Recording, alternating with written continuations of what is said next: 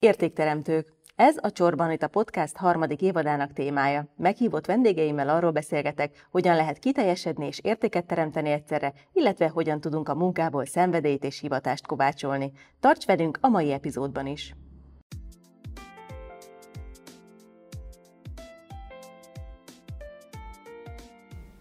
Rádiózás, műsorvezetés, riporteri tevékenység. A mikrofon maradt, csak a műfaj változott a hosszú évek során.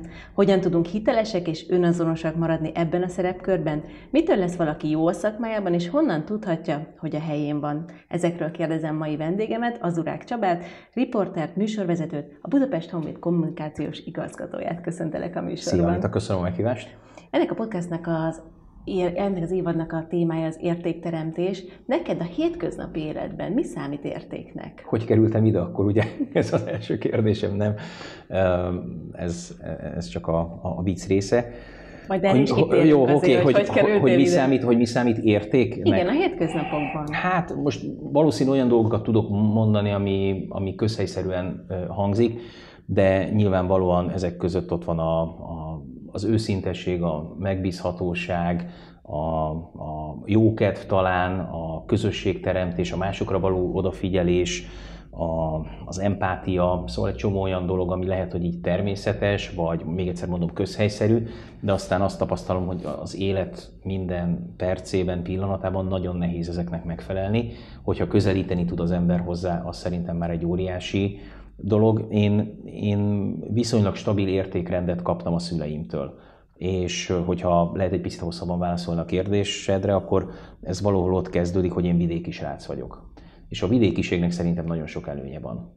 Biztos nagyon sokan érzik a hátrányát, én is éreztem egy időben a hátrányát, de valamiért azt gondolom, hogy a vidéki gondolkodás azoknak, akiknek így hozta az élete, hogy, hogy vidéken nőttek föl, ad valamiféle olyan, olyan pluszt, olyan józanságot, a szó jó értelmébe vett földhöz ragadtságot, ami a későbbiekben nagyon jól jön kapaszkodóknak, vagy kapaszkodóként. Ez nem azt jelenti természetesen, hogy egy budapesti embernek, vagy egy fővárosi embernek nem lehetnek ilyen stabil értékei, de hogy nem nagyon sok budapesti barátom, ismerősöm van, nagyon jó emberek, nagyon büszke vagyok egyébként a saját baráti körömre, meg ismerősi körömre, ez nem jelenti azt, hanem csak az attitűdöt talán, hogy hogy állunk bizonyos dolgokhoz hozzá. És én azt gondolom, hogy a, a szüleimtől ilyen e tekintetben, ilyen tekintetben is nagyon stabil kapaszkodókat kaptam. Említetted, hogy valamit könnyebb, valamit nehezebb megtartani. Mit nehéz neked ezekből megtartani? Józannak maradni például. Tehát józannak maradni, mondjuk amikor ugye én televízióztam, majdnem 20 éven keresztül a nyilvánosság előtt dolgoztam, először a Magyar Rádióban, aztán később a magyar, majdnem Magyar Televíziót mondtam TV2-nél, és ott rengeteg műsorban, reggeli műsor, hírműsor, esti beszélgetős műsor, riportműsor, vezettem miniszterelnök jelölti vitát, szerepeltem színes újságokban, meghívtak különböző műsorokba vendégnek, megállítottak az utcán, aláírást kértek, fotózkodni szerettek volna. Van egy csomó olyan velejárója ennek az egész világnak, ami, ami húz el a földtől. Én úgy szoktam fogalmazni, hogy mindig aggatnak rád ilyen lufikat, először a kezedre, aztán a lábadra, aztán a nyakadra, aztán a törzsedre, uh-huh. és akkor kicsit így, kicsit így emelkednél el, hogy hú, hát én idézőjelben sztár vagyok, engem megismernek, milyen fantasztikus érzés, és a józanság meg segít a földön maradni, tehát hogy ne dőj be egy percig sem annak, hogy az a fajta hírnév, az a fajta népszerűség, amit a televízió hoz, az nem neked szól. Az a munkádnak szól, az a pozíciódnak szól, és hogyha jól érzed magad benne, ha a kettő önazonos, akkor az, az tud működni. Amúgy meg nagyon sok életet láttam tönkre menni pont emiatt, hogy valaki ezt elhitte, valaki, valaki túlzottan beleszeretett ebbe, megváltozott a barátaihoz való viszonya, megváltozott az emberekhez való viszonya, többet képzelt magáról.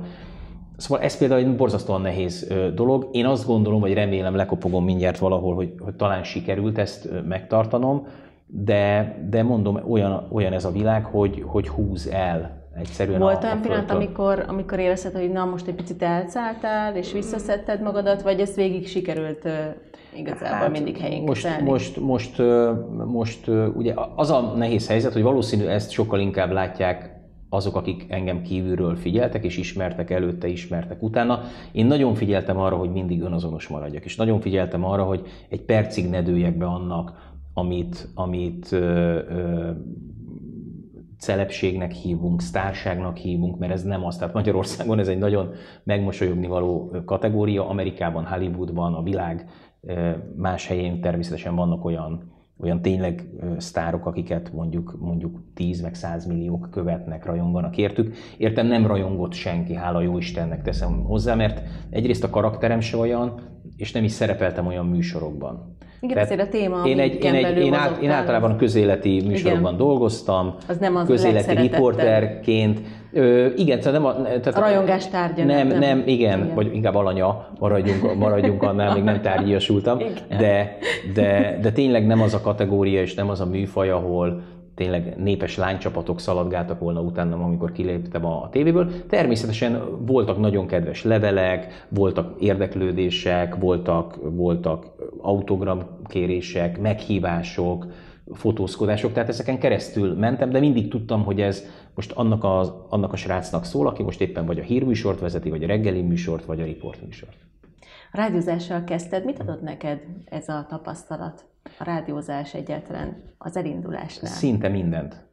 Tehát, tehát amikor fölvetődött az, hogy én a főiskola utolsó évében, nekünk úgy volt a főiskola, utolsó éve, hogy hétfőkedre berakták az összes előadásokat, tényleg reggeltől estig, uh-huh. és a szerda csütörtök pénteki nap volt az, az az időszak, amikor keríteni kellett egy, egy gyakorlati helyet, és el kellett menni valahova. És természetesen mindenki tévés akart lenni, akkoriban én is. Jártam is a főiskola tévés szakkörére, baromi jó volt csütörtökön este 8-tól éjfélig, filmeket néztünk, műsorokat készítettünk a, a városi televízió ifjúsági műsorát mit csináltuk, Farmer Zseb címen futott, ott csináltam interjúkat is, riportokat Egyébként is. vállalhatóak azok a felvételek? Még hát figyelj, hogyha elmondok, közepesen, közepesen vállalható, mert például Székesfehérváron van egy Bori Vár nevű fantasztikus építmény, amit Bori Jenő épített a, a, a szerelmének annak idején, és az, az én felkonferáló szövegem az valahogy így, így hangzott akkor, hogy Székesfehérváron van egy olyan épület, amely ekkor is ekkor épült, ö,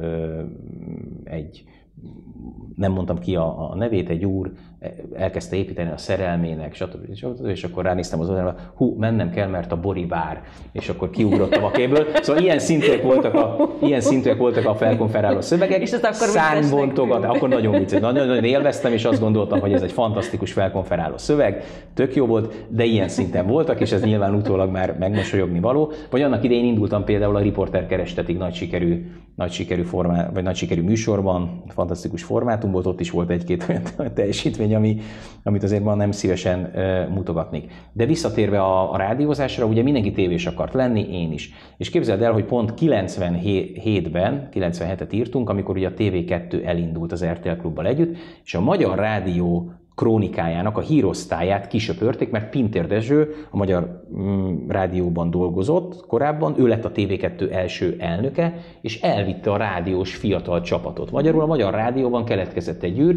és én oda, ott volt lehetőségem, oda tudtam menni. És akkor gondolkodtam, hogy Jézusom, Kossuth Rádió, Krónika, hát ezt csak az öregek hallgatják. Hát mi ez? Másfél-két millió ember hallgatta akkor naponta.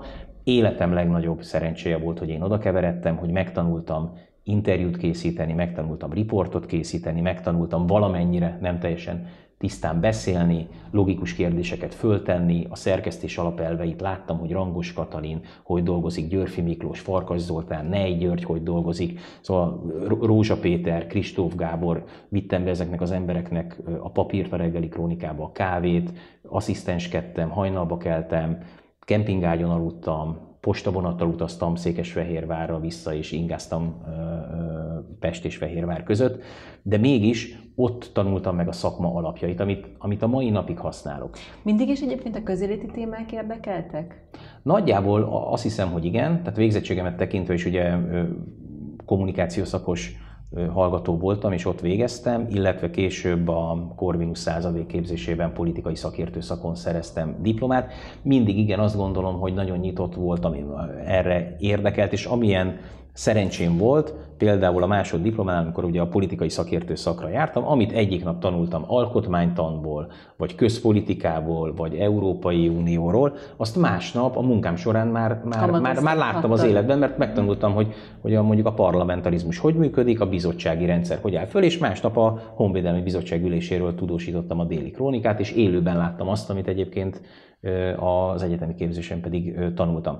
Szóval a rádió, a rádió azt nyújtja még egyébként, hogy viszonylag költségmentesen megtanulhatsz minden műfajt. Mert kaptál egy, egy táskát az oldaladra, egy rádiót, egy magnót, és azzal mehettél. Ha véletlenül nem sikerült, na bum, akkor, akkor, akkor volt egy 3-4 óra, amit, amit elszalasztottál. Ezzel szemben, ha elmentél egy tévéstából forgatni, te pontosan tudod, operatőr, hangtechnikus, adott esetben még akkoriban jött külön szerkesztő, a gépkocsi vezető, meg a kábeles. Fókuszhúzó. Igen, tehát, tehát, hogy, tehát, hogy adott esetben régen még ez 5-6 fős stáb volt, utána már csak 3 fős stáb volt, de mégis, hogyha kimentél forgatni, az alaphangon egy 100 forintos napi költség. És ha ott nem sikerült valami.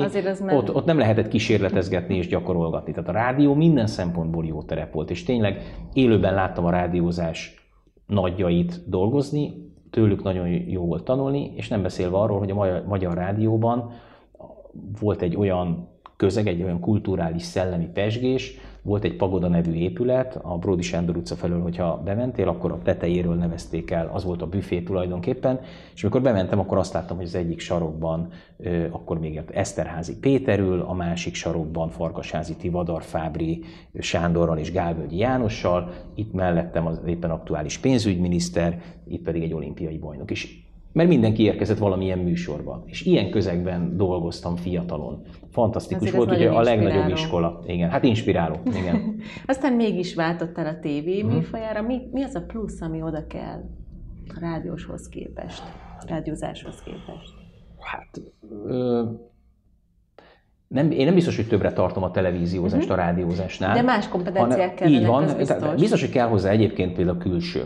Tehát ez, ez, ez elengedhetetlen. Én nem vagyok egy ö, túl jóképű srác, pláne a korabeli fényképeket megnézve volt mit ö, ö, kikupálni, de biztos, hogy kell hozzá egy megjelenés, biztos, hogy kell hozzá olyan fajta képi világ, vagy a fejben ö, meglévő kreativitás, vizualitás, amivel elképzeled, hogy mit akarsz majd megmutatni.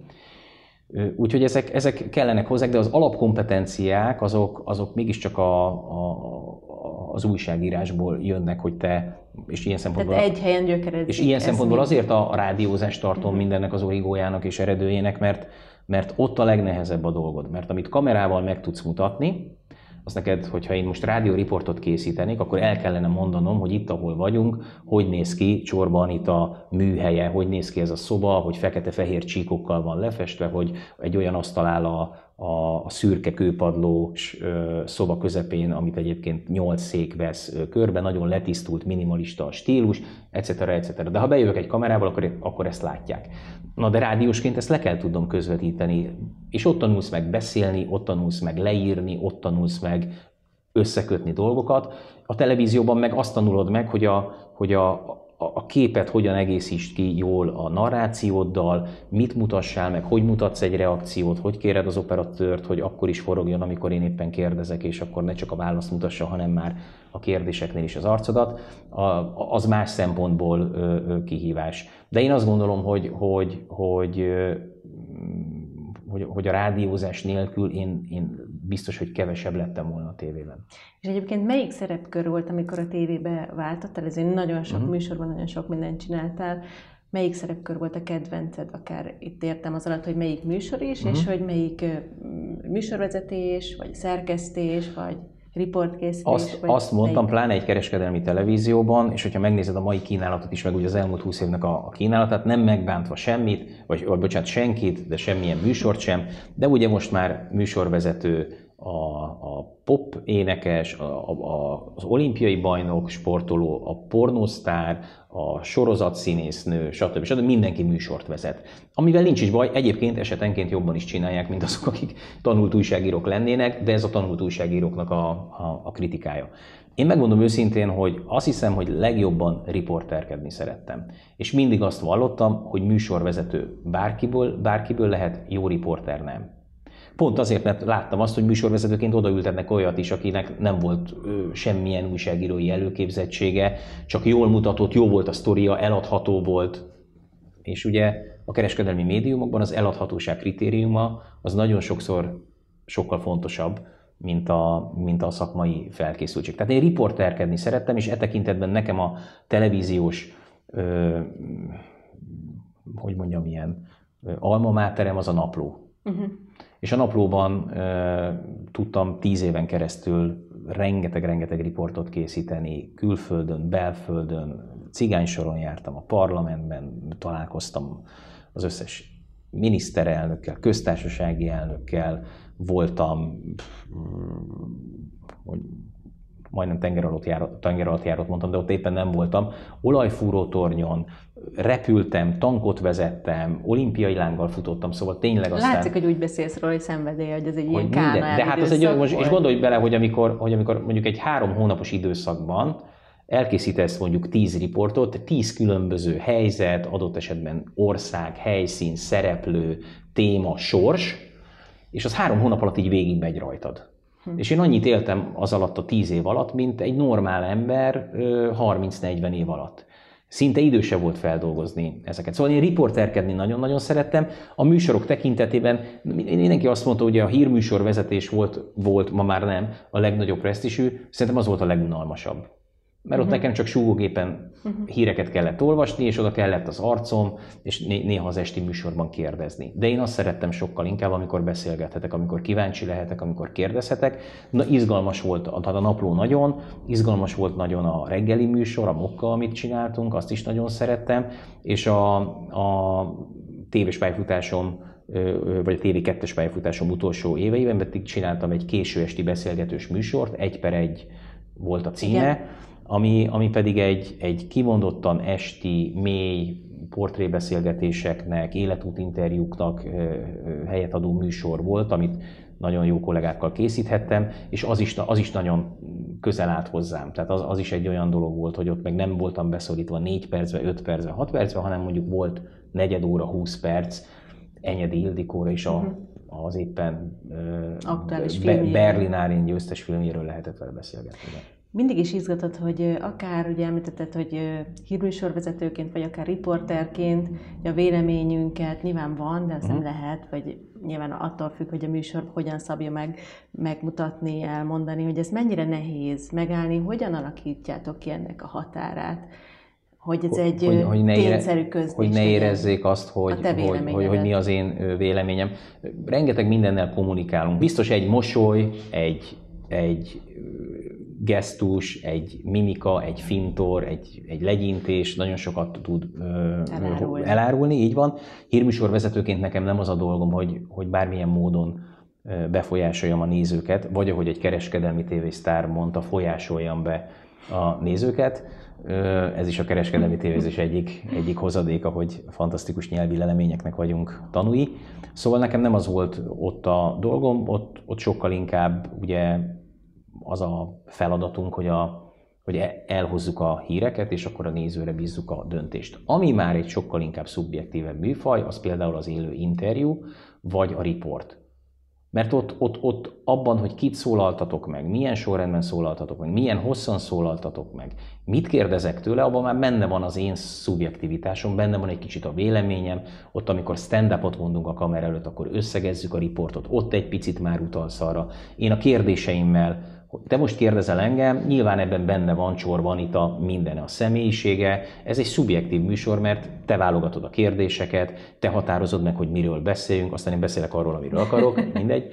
De, de hogy alapvetően Igen. ez is egy szubjektív dolog. Ez is már És a, a hírműsorban nem nagyon volt erre lehetőség, nem is volt a szerepfelfogásomnak nekem soha része, a többi műsorban ott igen, ott benne volt az Urák Csaba, benne volt, hogy mit gondoltam arról a témáról, de azt is nagyon visszafogottan. Én soha nem szerettem másra ráerőltetni a véleményemet, sokkal inkább csak megmutatni, hogy mi közül lehet választani, de a döntés az mindig a hallgatói és a nézői. Bombera Krisztina volt nálam, és ő mondta, hogy nagyon ritka ma már a véleménymentes tényközlő, tényfeltáró újságíró, újságírás. Te ezt így látod? Mennyire megy el tényleg a véleményvezérelt újságírás irányába most a 2021-es, illetve a jövő, jövő év tized, vagy, vagy azért látható, hogy vannak szigetek, ahol, ahol megmarad a, a tényfeltárás, mint fő fókusz? Hát e, ezeket a szigeteket mikroszkóppal kell keresni, Akkor és nagyon nehéz, nagyon nehéz látni. Soha nem volt annyira polarizált a magyar közélet, mint ma. Soha nem volt annyira irányított a magyar közélet, mint amennyire ma de soha nem is volt, és akkor a kicsit a politikai szakértője nem jön elő, olyan politikai felhatalmazású többség a magyar, mondjuk a rendszerváltás óta eltelt időszakban, mint most az elmúlt tíz évben. Tehát 2010 óta azért annak vagyunk a tanúi, hogy van egy nagyon erős politikai felhatalmazással rendelkező oldal, ugye a kormányoldal, és ez legyűrűzik mindenhova. Tehát ezt ugyanezt látod nagyjából a média területén, és azt látod, hogy, hogy ez viszont nem magyar sajátosság, hogy annyira sarkossá, polarizáltá válik a világ, annyira beszorulunk a közösségi média miatt a vélemény buborékainkba, és megszűntek az átjárások, a kompromisszumok, a viták, az értelmes egyeztetések, hogy ennek most nem, nem igazán nyílik terep. Én azt gondolom, hogy ez vissza fog jönni, tehát hogy kiegyensúlyozottabb lesz például a magyar közélet, vagy a magyar politikai élet, akkor kiegyensúlyozottabbá válik, és a kiegyensúlyozott szót azt most úgy értem, hogy, hogy talán több, többet fogunk látni, hallani vitákat, beszélgetéseket, kompromisszumra érveléseket. törekvő érveléseket, mert ma ez megszűnt, de ha megint csak politikai logikából gondolkodsz, akkor amit mondjuk a kormánypártok csinálnak, az politikaiak teljesen érthető, mert azt mondta egészen az elmúlt tíz évben, hogy, hogy bocsánat, volt X kicsi párt, hogy én kivel üljek le most beszélgetni, vitázni, mert most egy 4%-os párt képviselőivel én, mint egy 30%-os vitázzak, az úgy, az úgy az elmúlt tíz évben nem nagyon jött össze. Tehát én a politikai logikát értem. Hogy ez mit okozott a magyar közéletben, a magyar nyilvánosságban, az egy másik dolog, az már egy kommunikációs szakembernek a, fejfájása adott esetben, de az eredeti kérdésre visszatérve soha nem volt ennyire polarizált a,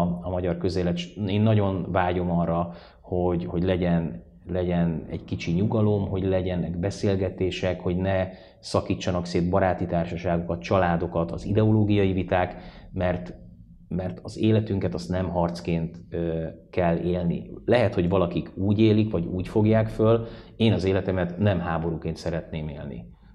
Van valamennyi időnk, nem tudjuk, hogy mennyi, azt sokkal jobb vidámságban, jókedben, szeretetben, nem? Minden ilyesmit még mondhatnék ide, eltölteni, mint sem, hogy állandóan most, most uh, itt, itt indulatokat szítsunk, vagy, vagy, vagy vitatkozzunk állandóan. Annak is van helye, csak nem mindig keretek között. Kere, Illetve nyilván akkor arra utaltál, hogy elfelejtettek az emberek kompromisszum képesen vitatkozni, vagy érvelő technikákkal vitatkozni. Elfelejtették, elfelejtették egymást meghallgatni.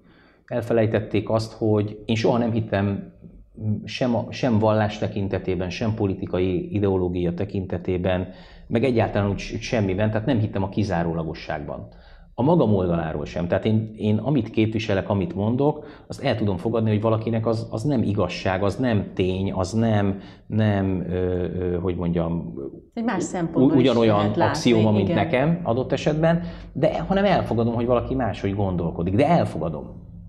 És, és, és vannak, kellenek, hogy legyenek az életnek olyan területei, olyan közös pontok, olyan, olyan közös kapaszkodók, igazodási pontok, ami mindenkinek ugyanazt jelenti. És ebben tényleg az van benne, hogy, hogy, hogy, hogy, hogy, hogy nincs olyan, hogy én valakit gyűlölök azért, mert másként gondolkodik, azért, mert más a bőrszíne, azért, mert másban hisz. Olyan nincsen.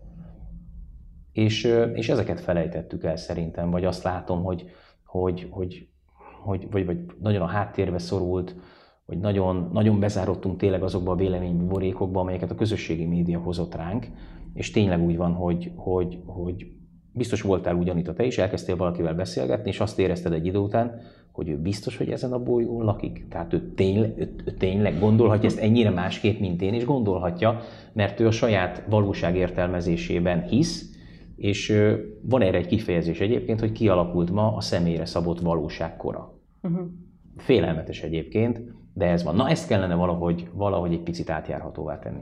Nagyon fontos értékekről beszéltél, és azt gondolom, hogy amikor elindítottuk a beszélgetést, ugye a hétköznapi értékek, értékadás mentén, akkor én éreztem, hogy el fogunk jutni sokkal mélyebb úgyrokba, és ott is vagyunk, és hogy van neked ö, oktató tevékenységed is, ott tudod ezeket az értékeket átadni, vagy hol, hol próbálod De... ezeket, mert ezeket fontos átadni, és érzem is, hogy átadod. Ugye az a kérdés, hogy kinek fontos, hogy ezek másoknak is értékek-e, Mert még egyszer mondom, tehát hát én, ez, én ezt gond... ez pont ez egy közösségi érték. De, de valakinek hát meg nem. békében egymás mellett lenni, De más meg azt, de meg azt mondja, hogy jó, de hát ha meg nem vitatkozunk, meg, meg, meg nem visszük át az akaratunkat, akkor... Mondtad. Nem, de, de hogy lehetnek olyan, ö, olyan logika mentén gondolkodó emberek, akik meg, meg egyszerűen máshogy, máshogy élik a, az életüket, és én ezt is elfogadom.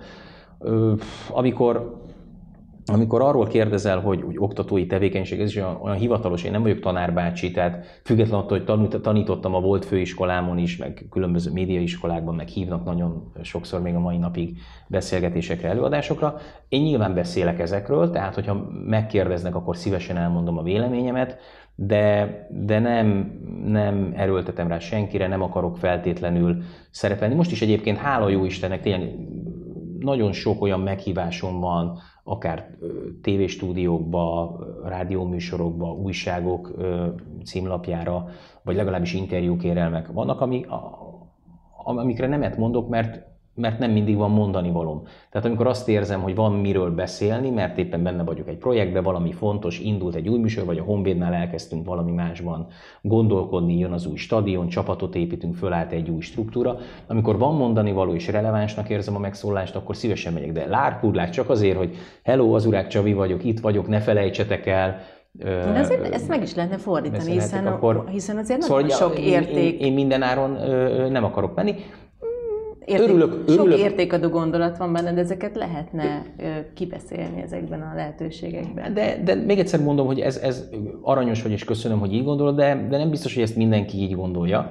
Másrészt meg, meg, meg nincs bennem olyan szempontból hiányérzet, hogy azért nagyon sok helyre megyek ettől függetlenül, de sok helyen vagyok, és ahol megkérdeznek, ott pedig beszélünk erről, és ha az oktatói tevékenységről beszélünk, ami még mindig hivatalosan hangzik nekem, és keresem a, keresem a megfelelő magyar szót, hogy hogyan lehet. Tehát amikor mondjuk kötetlen beszélgetésre, tanárbácsik, előadásokra hívnak, akkor, akkor persze erről, erről szoktam beszélni, és nyilván nagyon sok értelmes fiatal emberrel, meg, meg középkorúval, idős emberrel találkozom, jó ilyenekről beszélgetni, jó jó egy picit meghallgatni őket, mert én akárhol megyek, azért szeretek részt venni bármilyen eseményen, és itt is biztos majd, hogyha letisztul bennem ez a beszélgetés, azért szeretek ilyen helyekre járni, mert nagyon sokat tanulok. Tehát én tanulok a te kérdéseidből, hogy mit látsz belőlem, mire vagy kíváncsi, hogy fordítod le magadnak azt, amit én mondok, meg tanulok mondjuk egy fiatal ember, vagy egy fiatal ö, egyetemista lány kérdéseiből, hogy azt a generációt mi érdekli, ő mit lát, mit lát belőlem, mit lát a, az általam képviselt mm, mondjuk, mondjuk újságírói felfogásból, ami már persze egyre inkább visszaszorulóban van, egyre inkább most a szónak a nem rossz értelmében, de old school, tehát jön egy csomó olyan Most kinek dolog. ajánlanád, hogy újságírónak álljon? Hát nem tudom, hogy, nem tudom, hogy ez így még értelmezhető a régi keretek között, hogy újságíró, mert ma 10 millió újságíró, tartalomgyártó országa vagyunk. Azzal, hogy lett, a telefonom, telefonom ott van, de most megmutattam volna, de mindenkinek lett egy telefonja, és, és nagyon sokan, 5 milliónál több magyar azt hiszem használja a Facebookot, vagy, a, vagy az egyéb közösségi felületeket, tehát telefon már szinte mindenhol van, az a legszegényebb részeinek az országban is van, tehát a, vagy a legszegényebb részeinek az országban. Hú, ezt jól mondtam? Most na, elnézést, mert ilyenkor már egy kicsit, kicsit gavajodik a nyelven. Az ország legszegényebb Ez a jó, ez a jó, igen, van. igen. Na, szóval megtalálható mindenhol a telefon, és mindenki, aki fényképet lő, aki egy rövid videót föltesz, aki, aki, aki mond valamit a kamerába, az tartalmat gyárt. És onnantól kezdve, hogy te kiteszed a saját felületedre, te tartalomgyártó vagy, te elkezdesz versenyezni a nagy televíziókkal is. Hát most nem akarom mondani annak a nyírségi tínédzser lánynak a nevét, mondtad, akinek, akinek, akinek a videói az RTL X Faktor, a TV2, Starban Star, most nem is tudom, hogy milyen műsora van, ez egy ilyen másfél éves felmérés, vagy, vagy akár két éves, a fiatalok körében kenterbe veri. Tehát amikor beszél a, a videójában arról, hogy neki milyen exei voltak, és az a videó, az konkrétan megveri a vasárnap esti főműsoridős show műsort, ami 100 millióból, milliárd forintból készül, a fiatalok körében, a 13 és mondjuk 22 évesek körében megveri. Szóval akkor, akkor nagyon nehéz arról beszélni, hogy, hogy, hogy itt már csak a hagyományos keretek között van újságírós, újságírás. Nem, itt szinte mindenki újságíróskodik, mindenki tartalomgyártó, persze mindenki sztár akar lenni, mindenki influencer, youtuber, véleményvezér akar lenni, vlogger, blogger, innen indultunk, és, és mindenki gyártja a tartalmat. Ez azt eredményezi, hogy ránk ömlik minden, tehát a gagyi is, a, a primitív tartalom is, a, a, Igen, hát ahogy demokratizálódott az amatőr, a, az a amatőr, média, úgy, így van, úgy az amatőr tartalom, tehát, tehát igazából, igazából itt mindenki újságíró, és hogyha hagyományos keretek között értelmezem az újságírást, akkor azt mondanám, hogy aki, aki egy picit, picit vágyik arra, hogy, hogy, hogy szűrt értékes, letisztult tartalom jusson el az emberekhez, és ezen szeretne dolgozni, esetleg az legyen újságíró, meg aki persze nyitott a világra. És a legfontosabb, az viszont nem változik, hogyha kíváncsi. Uh-huh. Kíváncsi voltál, amikor a Budapest Honvédhoz mentél kommunikációs igazgatónak? Igen. Kíváncsi voltam egyrészt arra, Új hogy... hogy amikor a tévézés megszűnt az életemben, és majdnem 20 év volt, 18 év volt a TV2-nél, akkor, akkor akkor milyen lehet egy másik, másik területen dolgozni, és nagyon féltem. Most nem a Budapest Honvéd FC-től, hanem általában attól, hogy én azt gondoltam, hogy televíziósként annyira színes volt az életem, annyira pörgős volt, annyira, annyira sok élménnyel teli volt az életem, hogy én azt gondoltam, hogy nem nem lesz még egy olyan szakma, ami nekem ezt, ezt adja. De egyébként miért hagytad abba akkor? És miért szálltál ki? Egy, erre is válaszolok, és, és azt gondoltam, hogy, hogy, hogy, hogy e tekintetben csalódás lesz. És én gyerekkorom óta végig sportoltam, bár nem látszik rajtam, de én futballoztam is, még Székesfehérváron fociztam, kosaraztam a vidiben, tehát nekem a sport az gyerekkorom óta fontos része az életemnek, és a sport meg a kommunikáció együtt azt gondoltam, hogy nem lesz rossz, és, és a tekintetben pedig nem lett igazam, hogy ugyanolyan színes világot tud ez is adni, csak máshogy. Más kapukat nyit meg, más ismerettségeket, más élményeket, más közösségeket, ami ugyanolyan izgalmas ö, tud lenni, mint a, mint a televíziózás, ami viszont örök szerelem. Tehát, hogy, hogy én, én nagyon-nagyon szeretek erről beszélni, nagyon szeretek, tartok mai napig tréningeket, előadásokat, fölkérnek beszélgetésekre, interjúkra, tehát ez, a, ez azért párhuzamosan fut az életemben. Hogy miért hagytam abban annak idején a televíziózást? Erre, hogy mondjam, talán a legeufemisztikusabb válasz az, hogy elfáradt kettőnk kapcsolata a TV2-vel. Mm, nem, nem találtam ott igazán a helyemet, nem nem volt azt gondolom arra a típusú mm, műsorkészítésre szükség, amit én csináltam, és amikor a, a műsor sem mehetett volna tovább, akkor, akkor, akkor azt mondtuk közösen, hogy, hogy akkor ez nem menjen így tovább, amivel nincs baj, tehát még egyszer mondom, sokat voltam, minden élményemet megkaptam a TV2-től, szóval mindent csináltam, amit egy tévében lehet csinálni, szinte vezérigazgató nem voltam éppen, hogy hírigazgató is voltam jut a szemben, tehát ott a főnökösködést is kipróbáltam, úgyhogy, úgyhogy az, ott, az ott elfáradt. Most a médiát sem látom olyannak, ami túlságosan vonzó uh-huh. lenne az én személyiségemnek. Lehet, hogy egyszer még lesz, tehát nem mondom, meg imádom, tehát nem, nem fogom soha azt mondani, hogy jaj, én már nem akarok, meg, meg, meg, meg nem is volt az olyan jó. Nagyon élvezem a mostani szerepkörömet, ebben is nagyon-nagyon sokat tanulok, a nyilvánosságot követem, az újságírást követem, és a kettő egyelőre párhuzamosan fut, mert itt a Budapest Honvédnál ugye kommunikációs és marketing igazgató bácsiskodom, és itt is nagyon sok olyan szereplés van, nagyon sok olyan kreatív tartalom, ami, amihez az újságírói énem kell, hova tovább, te pontosan ismered, talán Honvéd szurkolóként, vagy a kisfiat Honvéd szurkoló, ha jól tudom, ugye, hogy van egy tévéműsorunk, az Aranyoroszlánok, ezt főszerkeszteni, ezt producerkedni, az összes tartalmunkat újságíróként is felügyelni, azért az, az újságírói munka is, tehát e tekintetben nekem megvan a, a kettősség az életemben. Megkeresésre jött ez a lehetőség, vagy te néztél körbe, és akkor kiszemelted magadnak, illetve mennyire kell egy fotballcsapat kommunikációs igazgatójaként szeretné magát a sportágat? Azzal nem volt baj, ahogy mondtam, gyerekkorom óta fociztam, tehát imádtam, mint, mint, mint talán a legtöbb kisgyerek, és ugye a, a 80-as években, amikor fölnőttem, ugye én Fehérváron nőttem föl, akkoriban a Vidi az UEFA kupa döntőig menetelt, óriási láz volt a városban, uh-huh. viszont a vidi játékosok közül nagyon sokan igazoltak a Honvédbe, és akkor a válogatott gerincét a honvédosok adták, tehát idézőben nekem ilyen második csapatom az, a, az, a, az volt a Budapest Honvéd, és nagyon könnyű volt a Honvédot megszeretni két év alatt. Tehát tényleg most már azt kell, hogy mondjam, hogy, hogy, hogy a, a, a szívemben ugyanúgy benne van ez a, a klub, mint a, a Fehérvár, amit meg soha nem fogok megtagadni természetesen, mert a szülővárosom, és nagyon sok emlék köt hozzá. Hogy hogy kerültem ide, hála Istennek úgy, ahogy az összes többi helyemre, én soha nem jelentkeztem. Tehát soha nem jelentkeztem semmire, hanem hívtak. És itt is úgy volt, hogy egy közös ismerősünk kötött össze Menderényi Dániel és Bozó Zoltánnal a Honvéd akkori új tulajdonosaival, ugye amikor megvásárolták a, a klubot George Hemingway-től, és kerestek valakit a kommunikációra, és amikor találkoztunk, akkor nagyon hamar kiderült, hogy, hogy, hogy ugyanúgy gondolkodunk, hogy ugyanúgy szeretnénk fölépíteni ezt, a, uh-huh. ezt az egészet, és, és a kezdeti ilyen szakértői munkából aztán lett egy fölkérés, hogy folytatnám-e. Én ezt nagyon szerettem, és a, mi a legfontosabb, hogy nagyon sokat tanulok belőle, tehát ebből is sok mindent vesz ki az ember. Azt gondolom, hogy több leszek ezáltal.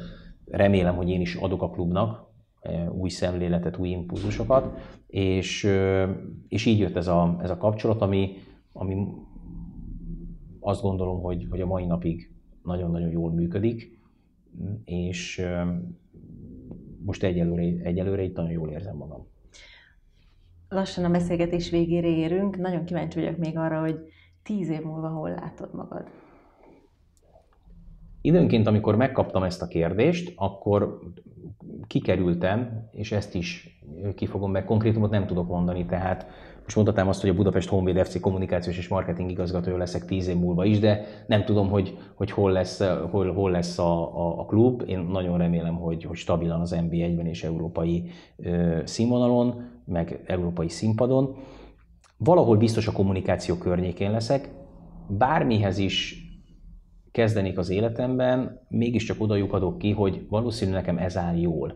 Nem mondom, hogy ebben vagyok profi, mert az nagy képviség lenni, de már most már tapasztalat miatt valószínűleg ez áll jól. Az emberekkel beszélgetni, az emberekkel bánni, az emberekkel kapcsolatban lenni, kommunikálni valamit, bemutatni, beszélgetni, kreatívan, kitalálni, ötletelni, színesen megmutatni, a szó jó értelmébe véve szórakoztatni, közösségeket, közösségeket teremteni, építeni, fiatalokkal foglalkozni. titkos vágyad, amit még eddig nem próbálták ki a területen, hát, a kommunikációs nagyon, területen belül? Ja, belül? Hát, vagy egyáltalán a, ott, a, a, a kommunika- Most tényleg, hogyha végig sorolom azt, és ez, ez, ez megint csak így, hogy mondjam, annak a veszélyét rejti magában, hogy az ember picit Elmegy a lufikkal? Hát a, nem akarom, csak hogy, csak hogy nehogy úgy tűnjön, hogy, hogy nagy képű, de hát sok amit, amit, amit, amit az élet hozhat egy, egy újságírónak, abból nekem nagyon-nagyon sok jutott. Tehát tényleg a, riporterkedésből, a szerkesztésből, a műsorvezetésből, a hírigazgatóságból, kommunikációs és marketing igazgatóságból, híres emberekkel való találkozásokból, exkluzív helyekre történő utazásokból. Az exkluzívat nem úgy értem, hogy méregdrága szigeteken nyaralgattam, hanem hogy például az északi tenger közepén egy olajfúró tornyon forgathattam, ami fantasztikus élmény. Vagy hogy Afrikában dolgozhattam, amikor amikor ott egy helyi televízió indult el, és ott szakértő bácsinak hívtak. Fantasztikus élmény volt az is.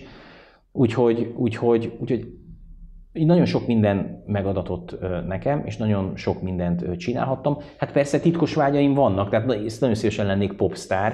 Ez kedvencem a, kedvencem a Depes mód, gyerekkorom óta kedvenc zenekorom, és imádom, amikor Dave Gahan kiáll a színpad szélére, és, és a, koncert végén meg énekelteti a közönséget, meg, meg integet nekik, a közönség visszainteget. Az nagyon szívesen lettem volna posztár, erről valószínűleg Azt már hiszem, lemaradtam. Hát bár sose késő. E, igen, de valószínűleg a hangomat ismerve mindenki, mindenki jobban jár. Illetve nagyon szívesen lettem volna futballsztár is, aki a VB döntőn a, a saját válogatottjának és az országának dicsőséget hozza, berúgja a győztes gólt. Na erről már jó eséllyel lemaradtam. Ne zárjuk ki, de ne zárjuk ki 45 évesen, hogy hát ha egyszer kapok egy behívó volt Rosszitól, de, de valószínűleg, hogy ez is lemaradt a, a, vagy lemaradok az életemben, de, de még egyszer mondom, hogy annyi mindent kaptam, hogy semmilyen hiányérzet nincs bennem. Minden adás egy előző vendég kérdésével zárul, és a korábbi adásban Banga Ildikó volt a Padisok Magyarország vezetője a vendégünk, és azt kérdezte tőled, neked dedikálva, hogy mennyire foglalkoztat a környezetvédelem, és a céges szinten mit tudtok érte tenni, akár csak a témával gondolatban foglalkoztok-e? Nagyon. Tehát a rövid válaszom az, hogy nagyon foglalkoztat. Nekem a, az életem úgy ö, alakult, hogy van egy csodálatos családom, három lányjal élek együtt, de ez így nem igaz, mert ha Rozi kutyánkat is hozzászámolom, sőt, Dézi sününket, aki egy fehérhasú törpe, afrikai törpesün, akkor már ugye öt lányzó van, de a feleségem és két lányom alkotják a, a szűkebb családomat rajtam kívül, és hát két olyan nagyon jó eszű kiskamasszal élek együtt, akik generációs alapon elutasítanak mindent, ami árt a földnek és az állatoknak, de olyan szinten, hogy már-már időnként veszekedés van otthon, véletlenül anya vagy apa elhoz egy nejlonszatyrot a, a, az ABC-ből, amit, amit természetesen nem szeretünk, de ha éppen nincs nálunk és kell, akkor megesik. De, de a lányaink nagyon ö, viszik azt a generációs alapon azt a zöld pártiságot, amit én nagyon-nagyon támogatok. Nekem is nagyon fontos, nyilván a közlekedésben megpróbálunk rá odafigyelni, tehát hogyha ö, megtehetem, hogy olyan autóm legyen, ami nem pusztán belső égésű motorral megy, nyilván szelektív hulladékgyűjtés van, nyilván odafigyelünk a, a környezetünkre, időnként szemetet szedünk, időnként időnként csinálunk olyan akciókat, ami most ez nem feltétlenül a környezetvédelemhez tartozik, de én egy picit, ha ezt kinyitom, akkor, akkor a, a magunk körüli világról való gondoskodást is ide sorolom. Tehát csinálunk olyan akciókat, amikor másoknak próbálunk segíteni, mert ez a kettő szerintem, szerintem összefügg. Figyelünk az állatokra, nekünk is vannak kis állataink, és nagy szeretetben nevelgetjük őket. Szóval azt gondolom, hogy a személyes példamutatás e tekintetben az, az fontos. Én nem így nevelődtem, de nem azért nem így nevelődtem, mert a szüleim azok szórták a, a szemetet, hanem egészen egyszerűen egy olyan generációnak vagyok a tagja, ahol még ez nem volt valahogy a fókuszban, tehát nem volt még a, még a figyelem középpontjában, és céges szinten is, hogy a kérdés erre is szól, hogy a Honvédnál is megpróbálunk arra figyelni, ugyanúgy a hulladékgyűjtésnél, ugyanúgy a napelemes energiahasználatnál, például az új Bozsik stadion tetején már, már ilyen napelemek vannak fönt, és az életünk minden területén, hogy óvjuk a környezetünket, vigyázzunk rá, mert, mert azt látom, hogy, hogy úgy ámblok, hogyha ezt a 7 milliárd embert nézem a Földön, aki most velem együtt itt él, hogy nem vagyunk túl, túl jó gazdái.